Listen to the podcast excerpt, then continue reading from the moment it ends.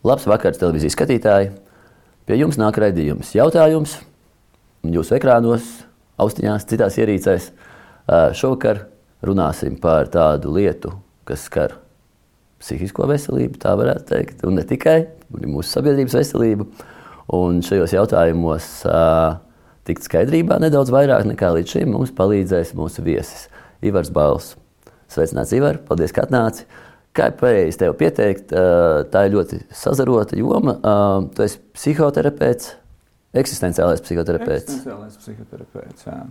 Bet, nu, ievadā, teiksim, paskaidrosim, kas nezina, tu esi arī pavadījis lielu daļu savu mūžu, nu, neteiksim frontes otrā pusē, bet darbojoties mēdīju jomā, vadījis vairākus lielus interneta medijus. Un, sakot, tas ir tā interesanti izglītību psihoterapijas jomā tu uh, sāk iegūt jau pirms sava darba mediju laukā.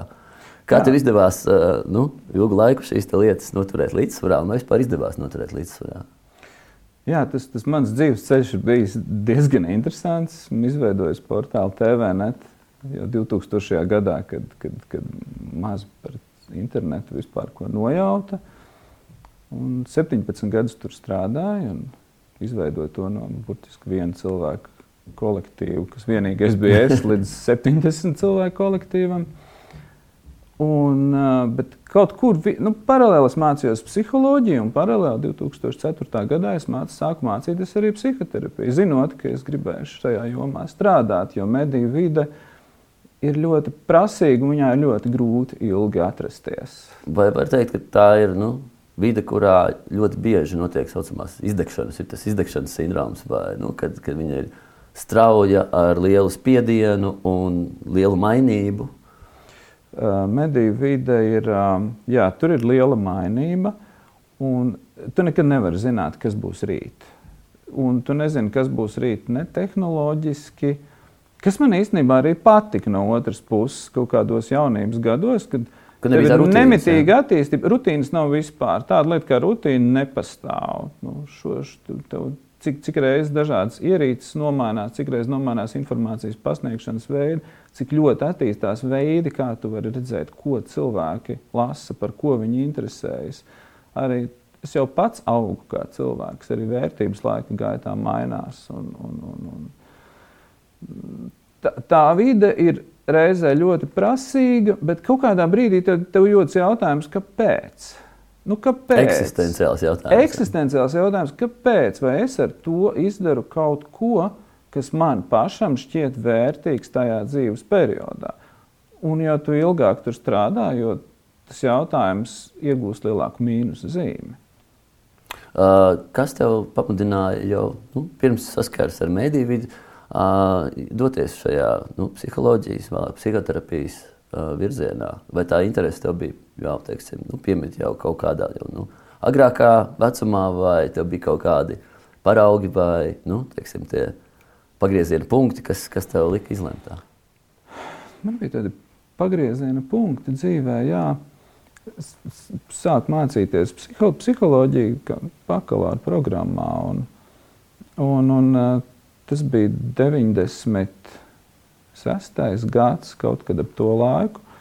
Un, tas laiks bija ļoti īpašs, ka tu varēji izdarīt dažādas lietas dzīvē, kuras varbūt šobrīd nevar. Un otrajā kursā man uzņēma strādāt uh, Rīgas psihoneiroloģiskajā slimnīcā par psihologu. Un, un kas, kur patreiz ir, ir, ir, ir jau, nu, tu nevari tā otrā kursā aiziet. Uh, Tā bija tā praksa. Tā bija, tā bija, tas bija darbs, paralēli. tas bija darbs, darbs paralēli, jā, pieredzējuši kolēģu vadībā. Un es tur divus gadus nostrādāju, un, un tā bija milzīga pieredze. Uzreiz droši vien jādefinē kaut kā mums tie termini, tāpēc, ka, nu, es domāju, es pieļauju lielu daļu skatītāju arī īsti nezinu, kur ir nošķirama robeža psihologs, psihoterapeits un psihiatrs. Ja? Pēc maniem priekšstatiem psihoneiroloģiskā slimnīcā ir nu, tur, kur ir eh, pamatā jāstrādā psihiatram. Ja? Bet varbūt tās es arī nu, no malas esmu. Un... Tad, tad to var ļoti, ļoti viegli ieskicēt un ātri saprast, jo, jo, jo psihologs pamatā pēta psihiskos procesus. Tā tad uh, uzmanību, atmiņu, personību, un, un, un to veids ar dažādu testu palīdzību, un tad ir īsa saruna. Un, uh, psihoterapeits nenodarbojas ar psihisko procesu pētīšanu, psihoterapeits neuzstāda diagnozi, psihoterapeits ir kā tāds palīgs cilvēkam dzīvē. Tā ļoti, ļoti vienkārši sakot. Mūsdienās kaut kāda līdzīga darbības mēdz saukt par mentoringu, ir koči. Jā, personības jā, izaugsmas treneri. Jā, jā, jā. jā nu, tas, tā. protams, dažādi novirzieni. Un psihiatrija tā, tā ir joma, kur strādā ar farmāciju. Jā, jā? psihiatrs ir. Es nekļūdos. Jā, jā, tur, tur ir tabatīts. Šitās vairāk pastīsimies, šitās mazāk jā, ja strādā jā, vai nestrādā. Jā, jā. Ar, arī psihiatrs, protams, runā ar cilvēku, strādā ar cilvēku. Ir, ir, ir, ir, ir, ir. Arī viņam ir iespējas sarunas formātā daudz ko darīt. Bet, bet tomēr psihiatra darbības rezultāts ir, ir, ir, ir atrast pareizās zāles un stabilizēt. Un bieži vien psihiatrs strādā paralēli ar psihoterapeitu. Tur nav nekāda pretruna. Ja cilvēkam ir notikusi milzīga krīze dzīvē, viņš, viņš, viņš nevar savākties, un, un, un nevar savākties nevis tāpēc, ka ir izlaidies, bet, bet tāpēc, ka ir nu, noticis kaut kas šausmīgs, tad, lai viņš sāktu psihoterapiju, viņam ir nepieciešama kāda stabilizācija. Um, Vai vispār varam runāt par to, cik, nu, kāda ir proporcija, kuros gadījumos ir nu, tiešām kaut kādi nu, fiziski smadzeņu bojājumi? Te es domāju, ne tikai sasistu galvu, bet nu, radušies vai jau eksistējuši. Un kur ir gadījumi, ka tas ir tomēr personības un, un, un integrācijas problēmām saistīts? Nu, kur kā ir it kā, es pieļauju, vieglāk palīdzēt rast risinājumus cilvēkam? Es, es teiktu, ka jautājums par organiskiem bojājumiem smadzeņu, tas būtu noliekams sāņus. Tas, tas, tas ir drusku cit, cita veida. Šeit mēs varam runāt par psihoterapiju tikai tādā veidā, kā cilvēkam palīdzēt pieņemt sevi tādu, kādu viņu ir radījušas šīs traumas. Pieņemt savu ierobežo, ierobežotību, ka viņš varbūt kaut ko nekad vairs nevarēs izdarīt. Tas būtu tas uzdevums. Uh, Psihoterapija nekāda nevar izlabot šādus, šādus te. Uh, bet ir vēl viena lieta, ir personības organizācijas līmeņi. līmeņi. Jūs varbūt esat dzirdējuši, ka ir, ir, ir šobrīd ļoti populāra internetā runā par, uh, par borderline personībām, par, uh, par narcistiskām personībām. Ir dzirdēts, ka vispār ir uh, toksiskas personības, visas šīs personības īsti psihi ir ļoti neliels procents, un pavisam normālie arī ir ļoti neliels procents. Un kad esot ļoti augsta, augsts īpatsvars sabiedrībā tādiem individiem, kuri ikdienā ir pavisam normāli. Bet pie kaut kādiem vieniem vai citiem apstākļiem, vai traumām, vai lielākā spiediena uz viņiem no, no sabiedrības no situācijas, viņi ir kāds ir more prone, tad ar lielāku varbūtību, ka viņiem sāk izpausties šīs kaut kādas nu, personības vai Jā. paradumu problēmas. Un šeit tu pieskaries vissvarīgākajai problēmai, kas šobrīd ir. Jo 90. gadu paudze bija tā paudze, kura savus bērnus īpaši nemīlēja. Nevis tāpēc, ka negribēja mīlēt, bet tāpēc, ka bija Nepita. traki laiki. Nē, traki laiki, ļoti daudz darba. Un šobrīd ir ļoti daudz cilvēku no tās paudzes, kuri nav saņēmuši pietiekami vecāku mīlestību, rūpes. Varbūt viņi ir saņēmuši teiksim, naudu, varbūt viņi ir dzīvojuši tajā laikā labāk nekā pārējie. Bet, bet cik viņi nav saņēmuši mīlestību, tad arī viņiem ir grūtības veidot attiecības. Un tur arī veidojas šīs toksiskās personības, kuras nodara sāpes citiem. Un satiekošos cilvēkus darbā, sabiedrībā, oh, foršs cilvēks, viņš ir tik jautrs, viņam ar viņu ir interesanti parunāties, viņš ir amizants, viņam ir visādas intereses. Un par viņu ir labas atsauksmes un viss ir kārtībā. Nonākot tuvībā. Un parasti kā, kas ir tuvība, veidojot ģimeni, veidojot attiecības, viņš sāk šķelt šīs attiecības. Viņš vai nu ceļ to otru debesīs, vai nu viņš viņu nolamā. Vi, viņš jūtas diskomfortā, esot tuvās attiecībās. Viņam tas rada diskomfortu. Tas ir milzīgs paradoks. Viņš mēģina no tā diskomforta ārā tikt. Viņš nav pieredzējis tajās būt. Ir dzirdēts par tādām problēmām attiecībās, kad uh, viens no partneriem uh, tik ļoti netic, ka viņam var izdoties izveidot ilgstošas, normālas attiecības, mm. vai arī baidās tikt nu, atgrūsts un pamests. Ka pēc kaut kāda varbūt tās ļoti augšupeļoša iepazīšanās, vai, vai nu, pat ne medus mēneša, bet sākuma perioda, pēkšņi neizskaidrojami iemeslu dēļ dara visu, lai viņu strauji pārtrauktu, lai pietuvinātu šo atrisinājumu punktu Uh, nu, kas parasti nu, otrai, otrai pusē nu, liekas nu, pilnīgi nesaprotams. Tu apraksti sākās... toksisku personību. Un toksiskas personības ir ļoti grūti izprast cilvēkam, kuram nav skaidrs iekšējā šī cilvēka pasaule.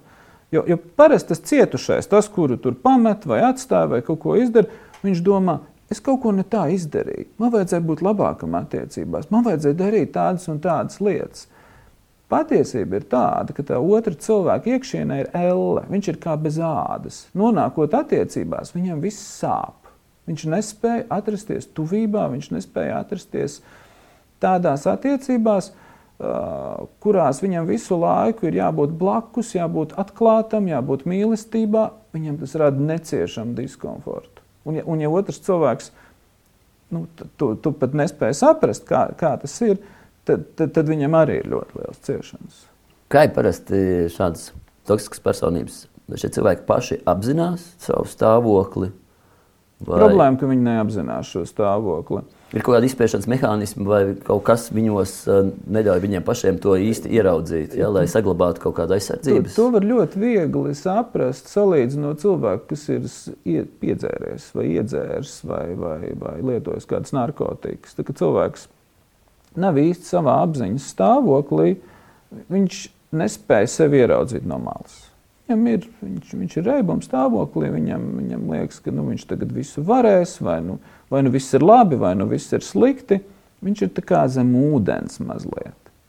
Līdzīgi ir ar šādām toksiskām personībām. Viņi ir kā cilvēki bez ādas, un emocijas viņus vada. Pat ja viņi saka, es esmu racionāls, man nekādu emociju nav, es visu racionāli izlemju, viņi nejūt, ka visa pasaule kaut kādā brīdī viņiem iekrāsojas pilnīgi melnā krāsā. Viss ir slikti, viss ir nodevēji, mana ģimene mani nemīl, mani atstumi. Ja tā paskatās, no realitātes tur nav nekā, bet viņš tā jūtas, un viņš nespēja saprast to, ka viņš tā jūtas. Tāpēc ir tāds termins kā novērojošais ego. Tas ir uh, psihodinamiskās teorijas, ko pielieto vāji vai zemi organizētai personībai nav novērojošais ego attīstīts. Respektīvi, es pats sevi nevaru no malas novērot, ka man ir tāda sajūta. Turpretī augsti organizēta personība. Mm, jā, es kaut kā baigi slikti sajūtos. Man liekas, ka visi baigi slikti pret mani ir. Bet pak, pak, tā ir tikai mana sajūta. Man tagad nav nekas jādara. To man nav viņiem jāuzbruk, jākliedz, jālamā. Tas ārēji analītiskais kaut kāds. Jā, kaut atbalsts, kas, tāpēc tas ir novērojošais ego. Un, un tad psihoterapijas uzdevums ir, ja ir tāds cilvēks, un tas ir ļoti ilgs periods, pirmkārt attīstīt viņam to novērojošo ego. Tas ir iespējams, ja? Tas ir iespējams, bet tas ir ļoti ilgs process. Jo tas balstās uz ļoti lielu uzticēšanos, un, un, un arī psihoterapija balstās uz tuvu attiecību veidošanu. Un, un, un pat cik tiem cilvēkiem ir grūti izveidot tuvas attiecības, tad tas arī ir tā kā pa kalniem. Pirmkārt, paiet kaut kāds laiks, kamēr cilvēks sajūt, ka jā, tas terapeits viņu pieņem. Un tad, kad viņu pieņem, tad viņš sāk ticēt, ka varbūt ne visas manas emocijas gluži atbilst realitātei. Un, un, un tad tu sāc saprast, jā, ka nu, jā, es to varētu arī novērot, un varbūt es ar to kaut ko varētu sākt darīt. Kā tas ir? Kādā vecumā teiksim, izpaužās šīs te, uh, specifiskās uh, nu, ego toksiskuma parādības, vai, vai tas ir kaut kāds pieaugušs cilvēku vecums, vai tas sāk veidoties jau bērnu pusauģu vecumā.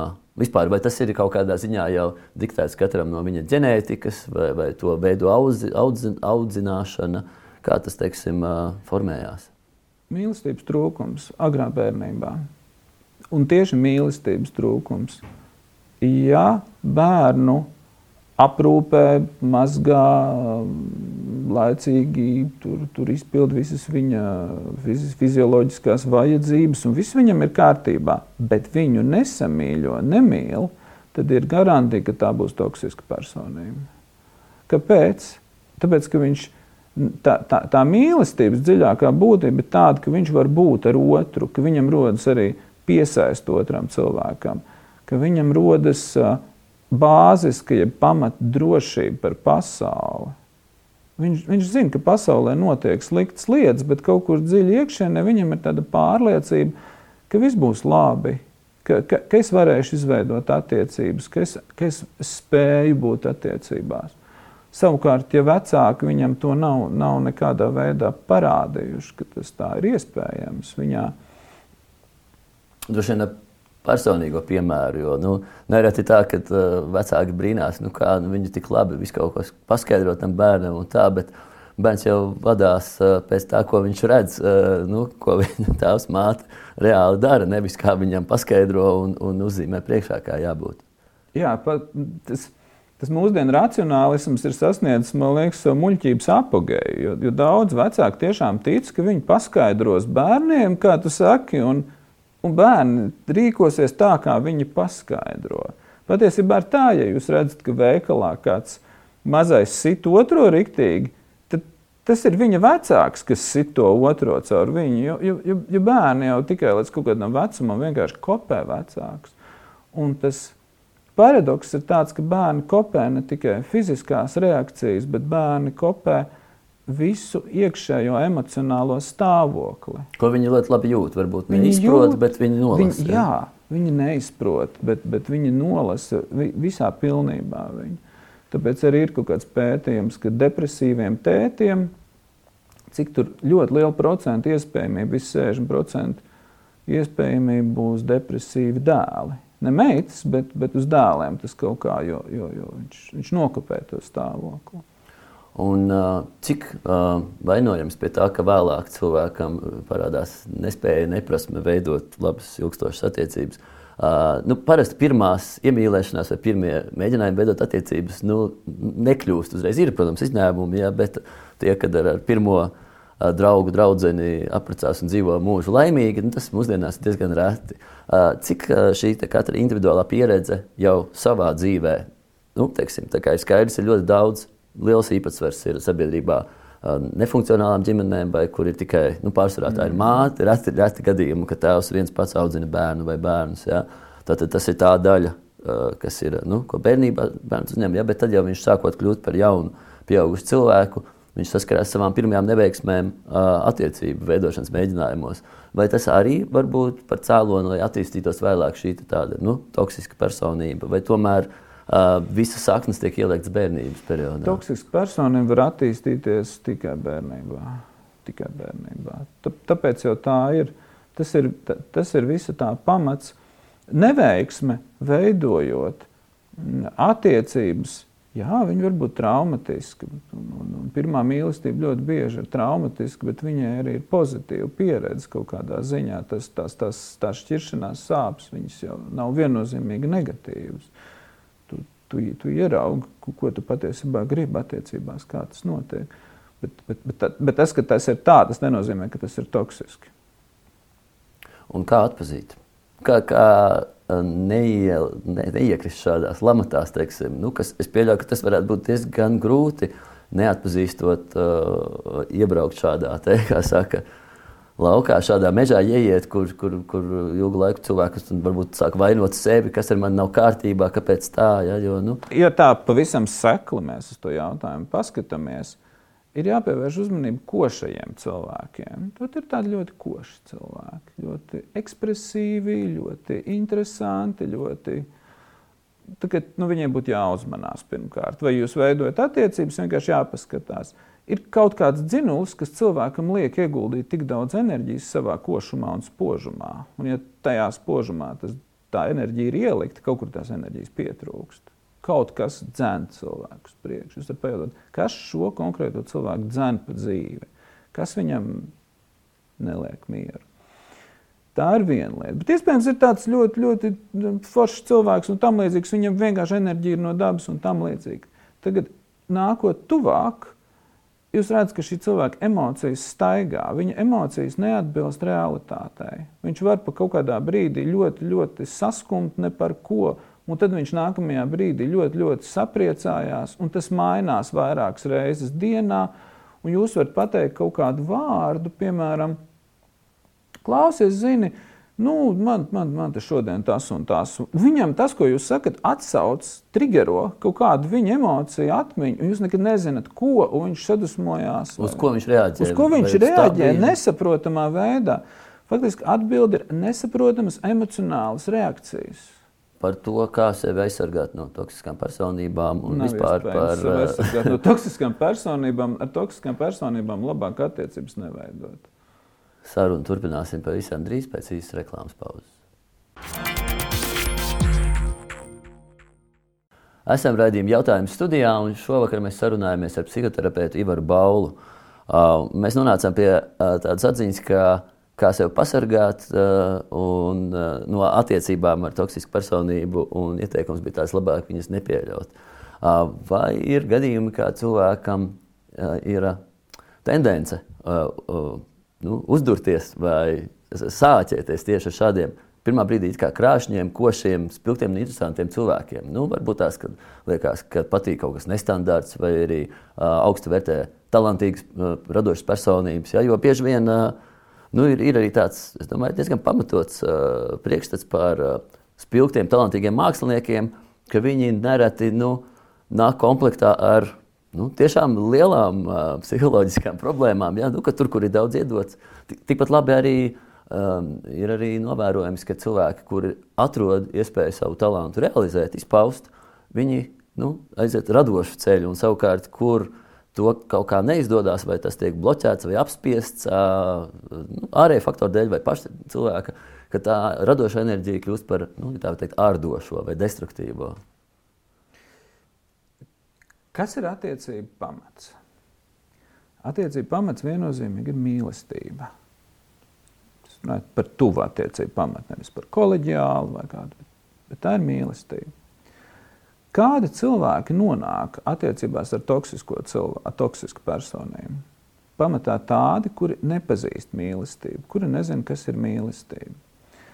Jo ir tāds termins, ko pēdējā laikā reti lietot, ir savaldzināt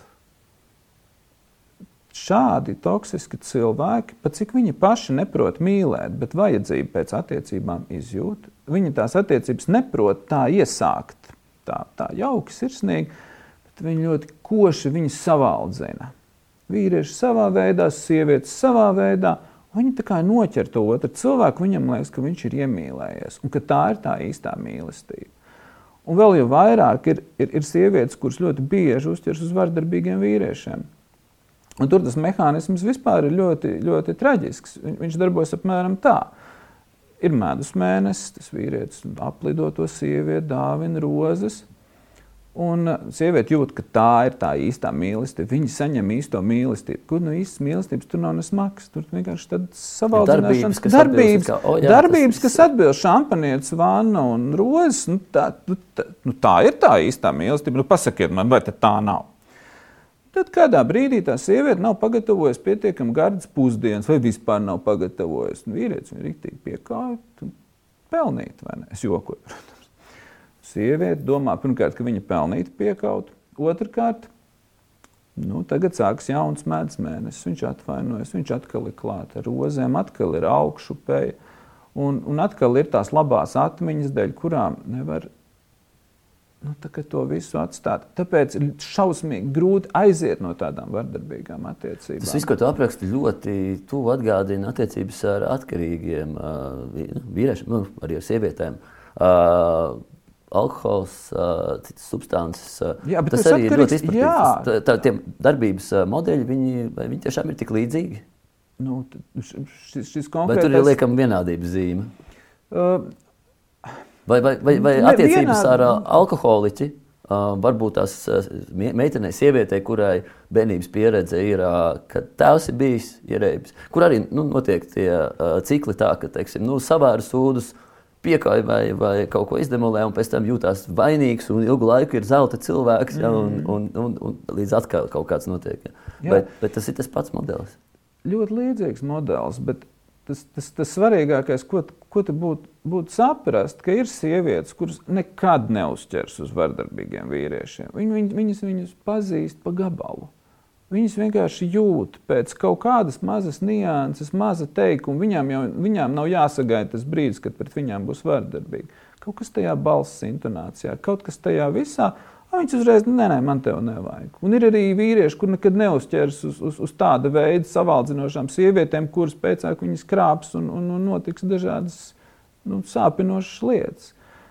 Jautājums ir, kā pašam cilvēkam atpazīt, kad īstu mantu, īstu mīlestību, īsto, uz ko balstīt attiecības. Tā ir tā dziļākā problēma.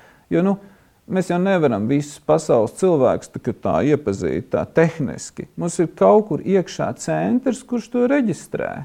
Un, un, un, un mēs to centru un to stabilitāti iegūstam bērnībā, vai arī pamatīgi strādājot, varam iegūt nu, arī vēlāk.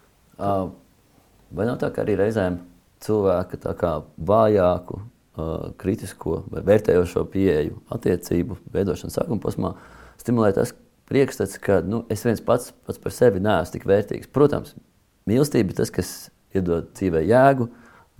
Tas ir pamatā attiecībām, ģimenē vēlāk. Ja?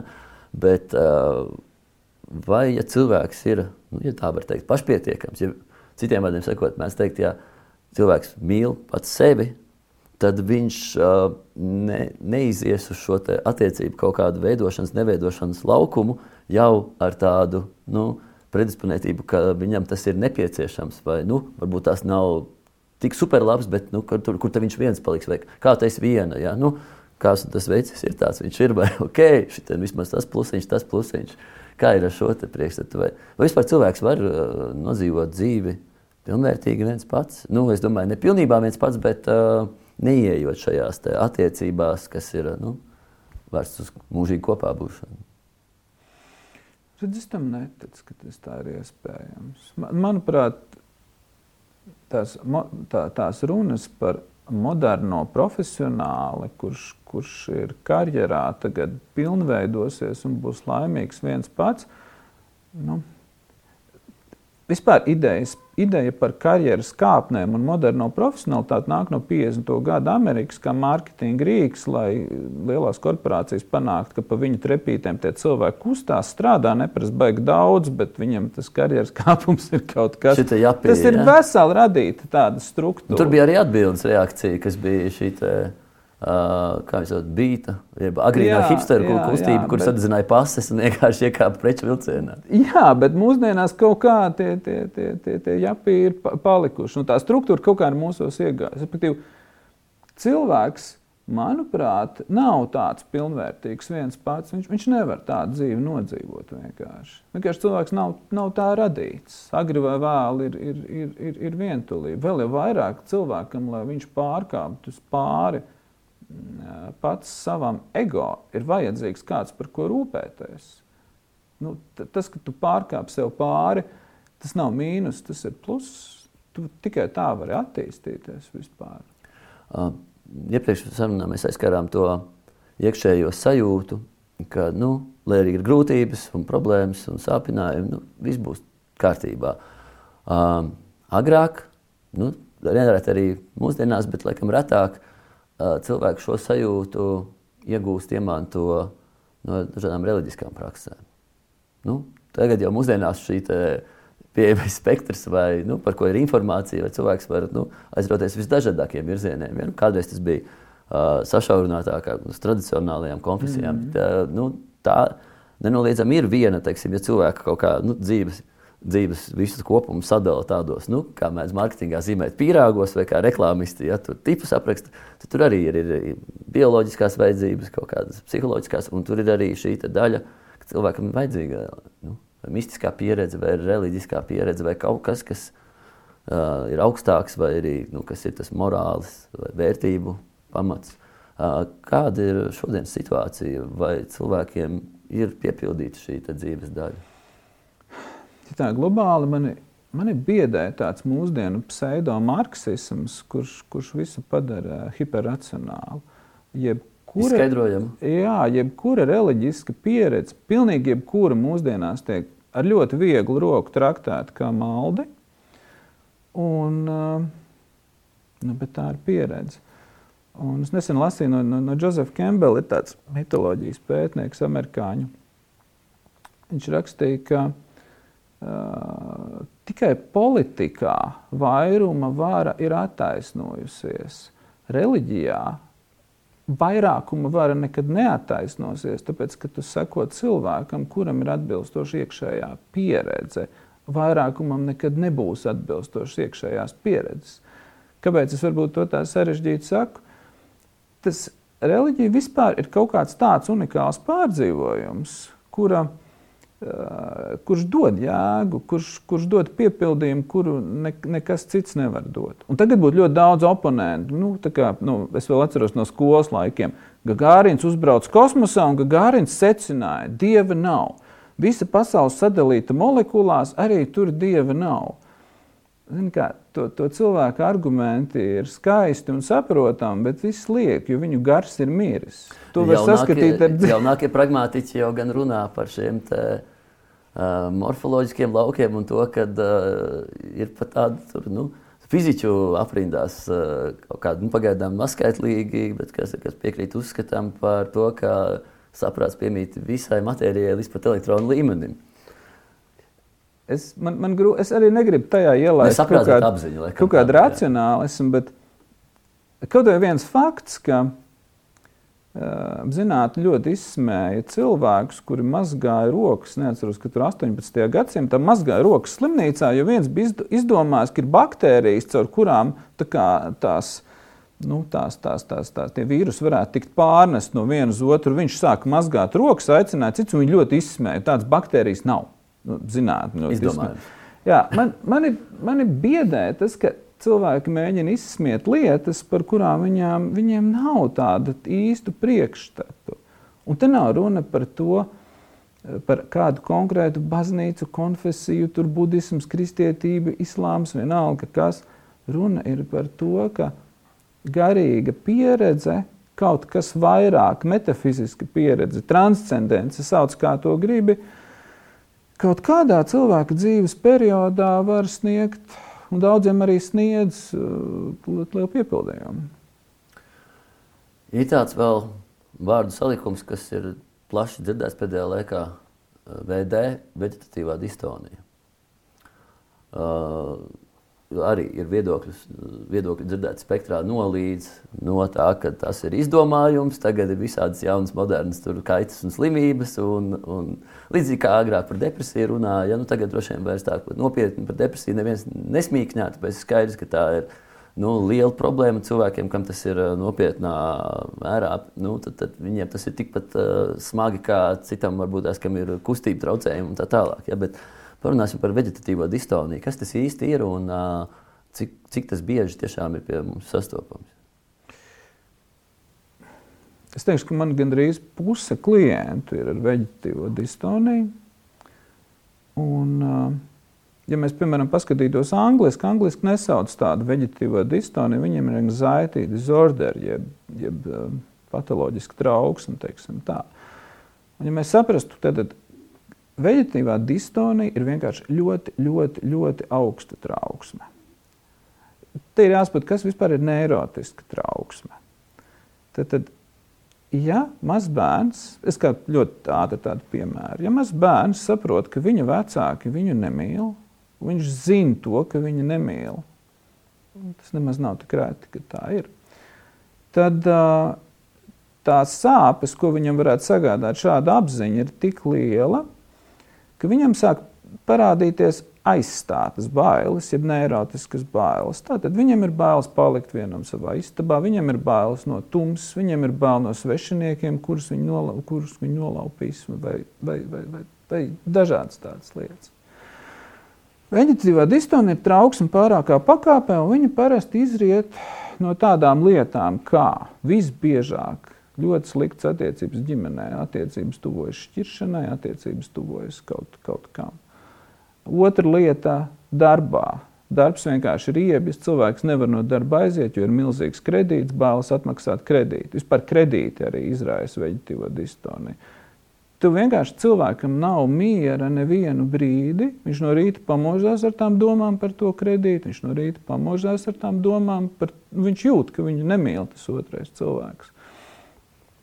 Tieši tāpēc veģetīvā distonija nav izdomājums, bet viņa saistās ar mūsu ļoti, ļoti straujo, prasīgo dzīves ritmu. Un cilvēks, cilvēks nav radīts tādam ritmam. Es baidos par tiem cipariem, neprecīzi būt, bet, bet var paskatīties. Guardian bija pētījums par, par depresijas un trauksmes traucējumu pieaugumu pēdējo desmit gadu laikā. Ja nemaldos, tur bija vairāki simti procentu pieaugums. Vairāku simtu procentu pieaugums. To gan skaita arī ar kādu uzskaitas izmainīšanu. Bet... Vai, ka cilvēki, nu, kad uh, mediķi varbūt tās biežāk. Uh identificē šīs kā, kādas problēmas, kas agrāk nebija Arī kā, nu, pieņemtas. Avēri, jā, par, par, par, par to, kas notiek. Bet veģetīvā distonija ir vēl viena problēma, ka tā trauksme ir tik ļoti pārākā pakāpē, ka viņi izraisa galvas reiboņus, viņi izraisa sirdsklauvas, spēcīgas sāpes krūtīs. Tur var palasīt, cik daudz tas viss ir. Tad, tad tā neirotiskā trauksme ir jau aizstāta burtiski ar fiziskiem simptomiem. Tieši tāpēc no malas tie, kas nav sastapušies, viņiem liekas, nu, ko tu izliecies, nu, ko, ko, ko tu dari. Bet tad, tad, ja cilvēks ar to tiešām sastopas, tad smiekli nenāk. Tad ir tā, ka tu sauc ātros un nesaproti, un man sirds stājas un ātri atbrauc. Un... Ar ko tas uh, līdzinās fobijām? Jo ir, nu, ir cilvēki, kuriem ir uh, bailes no atvērtām telpām, vai nu, no cilvēku skaita liela, vai atkal nu, citos gadījumos, nu, kā tu minēji, par maziem bērniem no tumsas. Ir, nu, Tiksim, jau, kur ir šis fobijas līmenis, ko, vai tas ir kaut kā salīdzināms, vai tās ir izpausmes? Es domāju, ka tās ir tomēr atšķirīgas lietas. Kad, kad, kad, kad var izpausties, kas saka, kad esmu skolotājs psihoterapijas, tad trauksme, ģērbi, dažādas drēbes, trauksmē patīk pārģērbties. Ko tas nozīmē? Kaut kur dziļi tevī iekšienē ir trauksme par, par attiecībām vai par darbu. Trauksme ir ļoti spēcīga un, un viņa ir fiziskā līmenī. Tu neesi gatavs sastapties ar to, kas tevi patiešām nomok. Tu neesi gatavs šobrīd to risināt, vai vienkārši nevēlies. Un katru dienu tev rodas jaunas, citas trauksmes. Vienu dienu tā ir par ķermeni. Nu, tev liekas, ka, tavā ķermenī ir kādas slimības, tur attīstās kaut kādas sirds, varbūt tur nav kārtībā. Vai, Vēzis kādam liekas, ka viņam ir. Tas viss ir reāli piemērs. Jā, tas ir hipohondrija. Nē, kad, ir, kad cilvēkam ir tendence visu laiku savu jaunu lietu. Mums nevajag tādas nu, uzlikt. Jā. Katram ir sava veida. Citam atkal rodas cita, cita veida, kas nav ar fizisko saistīts, kādas cit, citas trauksmes.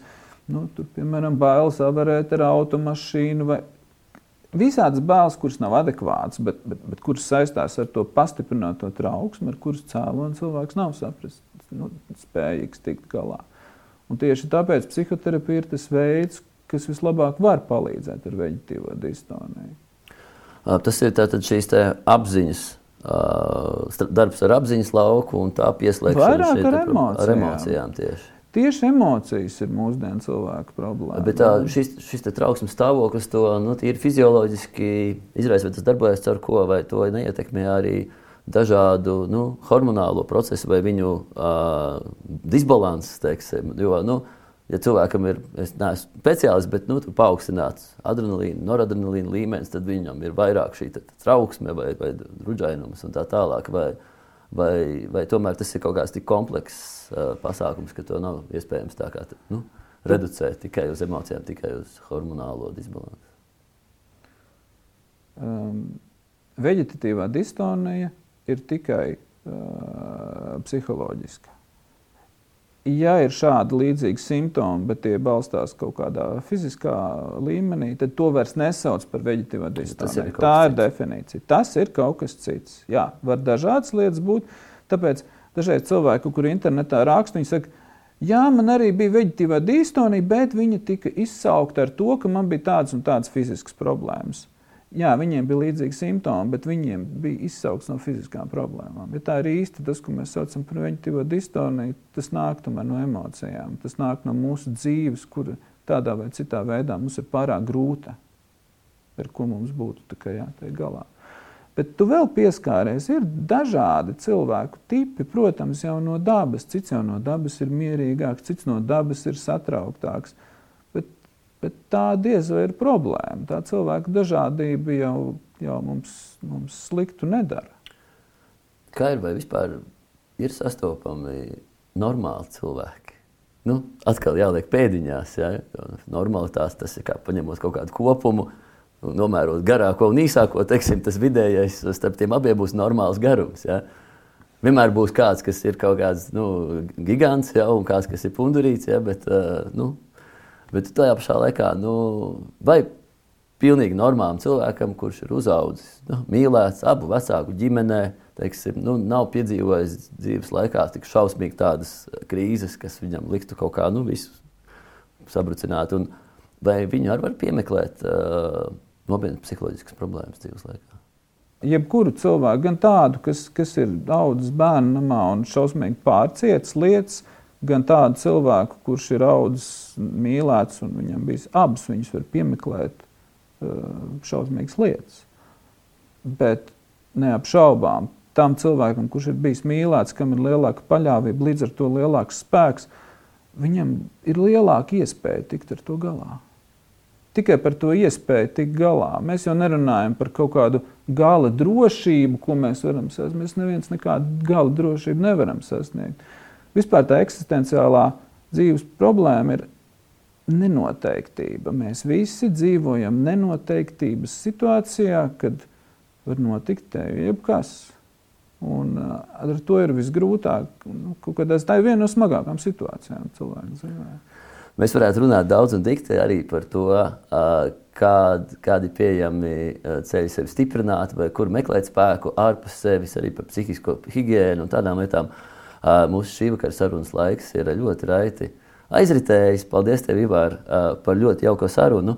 Un paldies skatītājiem un vēlam viņiem spēku un noturību un arī ticību cīņā ar dzīves grūtībām. Uz šovakaru sakām paldies jums un visu labu un uz tikšanos jau citvakar.